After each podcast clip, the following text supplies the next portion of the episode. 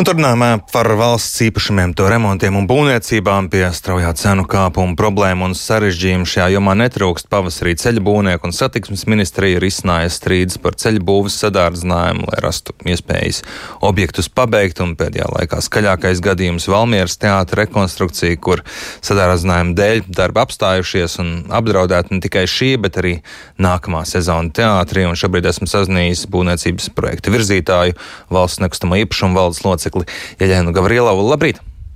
Labrīt! Kas šobrīd notiek ar Valmieras teātra rekonstrukciju? Šie darbi ir apstājušies brīdī, kad no vecā vairs nekā nav, ne īsti apkurs, ne ūdens un kanalizācijas, veikta demontāža, bet jauns nekas vietā nav.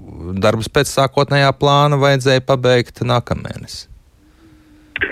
Nu, Nu jā, tad eh, varbūt es eh, ieskicēšu, kas šobrīd notiek ar Valmieras drāmas teātri. Jā, tad uz doto brīdi mēs valsts nekustamī īpašumu izvērtējam izmaksu pamatotību būvniekas SBSC iesniegtēm Valmieras drāmas teātra rekonstrukcijas projekta sadardzinājumu.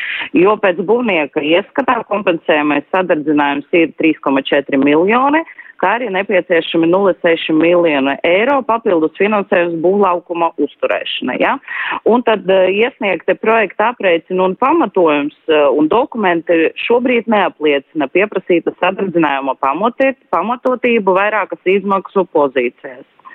Uh, un to starp ir darba spēka izmaksu sadardzinājums, jo saskaņā ar ekonomikas ministrijas vadlīnijām, uh, kas bija publicētas 22. gada jūnijā, uh, sadarddzinājumu var pamatot, un maksimālais sadardzinājums, kas varētu tikt pamatots, ir 50% pamatdarbiem un 15% procenti papildus darbiem.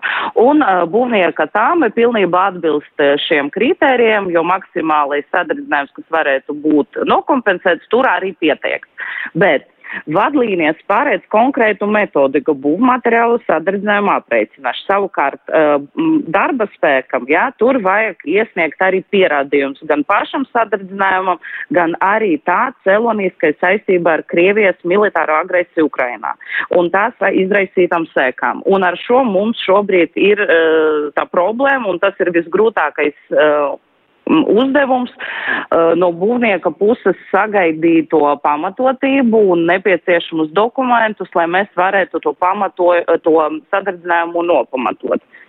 Mēs viennozīmīgi izprotam, cik svarīga uh, Valmieras drāmas teātra kolektīvam un pilsēta ir teātra rekonstrukcijas pabeigšana, un mēs mūsuprāt, sarunas ar būvnieku ir eh, jāsasniedz rezultāti iespējami ātrāk, jā, jo sarunas sakas jau drīz pēc eh, Krievijas iebrukuma Ukrainā, taču abām pusēm, nu, līdz šim brīdim pieņemamu rezultātu sasniegt nav izdevies. Kāpēc un, tas um, ilgs tik ilgi, jo mēs zinām arī daudz citus projektus, kur tā vienošanās ar būvniekiem un izmaksu sadārdzinājumu pamatošana ir notikusi daudz ātrāk, raitāk. Kāpēc šajā gadījumā? Kas, kas ir tas, kas traucē? Nu, eh, teikšu tā, tā situācija tieši ar Valmieras drāmas teātri ir tāda dramatiskāka, jo paralēli valsts nekustam īpašumi šo, šobrīd ir eh, vēl trīs teātri, kas notiek būvniecības darbi. Mēs runājam par Jauno Rīgas teātri, par Leļu teātri un par Dailes teātri. Un, eh, kā piemērs, varbūt paņemsim, kā piemēru Jauno Rīgas teātri, ja? jo tur sadardzinājums arī bija, tur sadardzinājums bija 2,7 miljoni. Tas tas pats uh, būvnieks CSBSC iesniedza mums uzreiz tāmi ar pamato, uh, tur, tur visa tāma bija pamatota, mēs ļoti ātri uh, vienojāmies par to un akceptējam to tāmi. Sadardzinājums uh, bija piesaistīts arī finansējums sardardzinājumam, noslēgts līgums, darbi iet uz priekšu, uh, plānojam objektu nodot eksploatācijā. Uh, pirmajā ceturksnī 23. gada. Leļu teātris sadardzinājums arī bija, sadardzinājums bija pamatots, uzreiz visi dokumenti un tāmi bija ar, ar pamatojumiem. Eh, papildus finansējums bija piešķirts. Protams, tur nebija tik liels cipars, tur bija ap 600 tūkstošiem. Eh, darbi iet uz priekšu, piekdien svinēsim spāru svētkus. Dailes teātrim ir paveicies vēl vairāk, ja, jo viņiem lielāka daļa no darbiem bija jau pabeigta pirms vasaras, un savukārt šobrīd notiek jau Uh, objekts būs nodots eksploatācijā uh, oktobra beigās.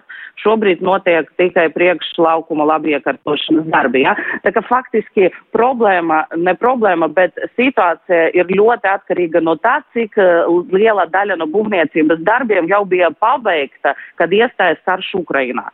Jo uh, jaunajam Rīgas teātrim, pieņemsim, bija jau realizēti 50% no visa apjoma, ja? jo visas konstrukcijas jau bija tur lielākā daļa no materiāliem bija rezervēta eh, vai, vai pat iepirkta. Jā, līdz ar to tas sadarbinājuma īpatsvars, ņemot vērā to uh, visa projekta budžetu, tur nebija tik liels. Tur sadarbinājums bija 10%, Leļu teātrim ir kādi 15%, jā, Dailes vispār nebija, bet šeit mēs runājam par to, ka kopējais sadarbinājums ir 65%. Un tas pamatojums, nu kā mums ir likums, jā, likuma uh, normās mēs uh, likuma normas neļauj mums maksāt vairāk nekā ir pamats to darīt. Un mēs jau saprotam, jau tas bija ap pirms jāņem, ka, nu, vajag tomēr to sadardzinājumu pamatāt. Un šobrīd mēs meklējam kopā ar būvnieku eh, to labāku scenāriju, labāku risinājumu, jo jūtam līdzi arī Valmieras drāmas teātrim. Bet tad, tur, bet tad likums jā. traucē